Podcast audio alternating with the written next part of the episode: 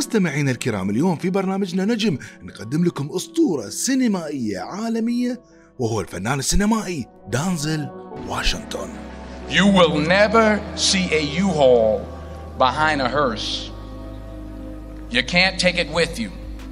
The Egyptians tried it. And all they got was robbed.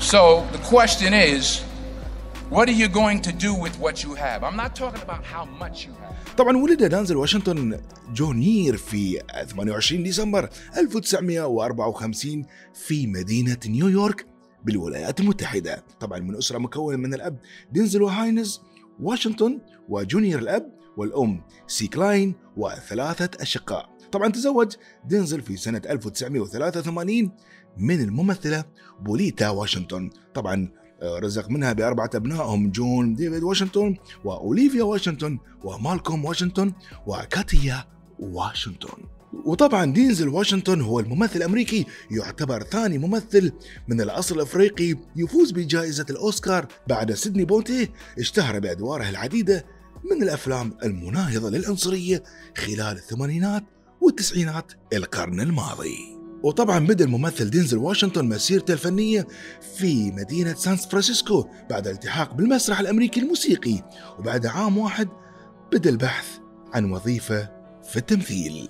طبعا حصل فيما بعد على فرصة أخرى أظهرت فيه مؤهلاته في التمثيل وفي المشوار ظهر في العديد من الإعلانات والبرامج التلفزيونية وفي سنة 1981 شارك في نسخة كربونية الذي كان أول ظهور له على الشاشة الكبيرة أعزائي المشاهدين بدأت شهرة الممثل دينزل العالمية سنة 1989 عن دوره في فيلم المجد اللي نال عليه جوائز الأوسكار لأفضل ممثل مساعد في سنة 1990 وطبعا اشتهر في تسعينيات القرن الماضي بتأدية العديد من الأدوار المرتبطة بالحقوق المدنية في الولايات المتحدة مثل فيلم مالكوم إكس سنة 1992 اللي صور حياة الناشط مالكوم ليتل man I worked for had one of the biggest companies in New York City. He didn't own his own company.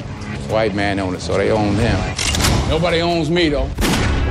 طبعا هذا الممثل الكبير واشنطن حاز على جوائز الأوسكار تسع مرات وفاز فيها في مناسبتين أولها سنة 1990 عن دور عن فيلم مجد كأفضل ممثل مساعد والثاني عن دوره في فيلم يوم تدريبي سنة 2002 كأفضل ممثل.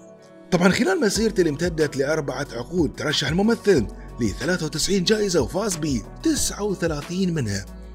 وتشتمل أهم الجوائز على جائزة ال Golden Globe لأفضل ممثل مساعد وجائزة ال Golden Globe لأفضل ممثل في فيلم درامي وأيضا جائزة سيسيل بي.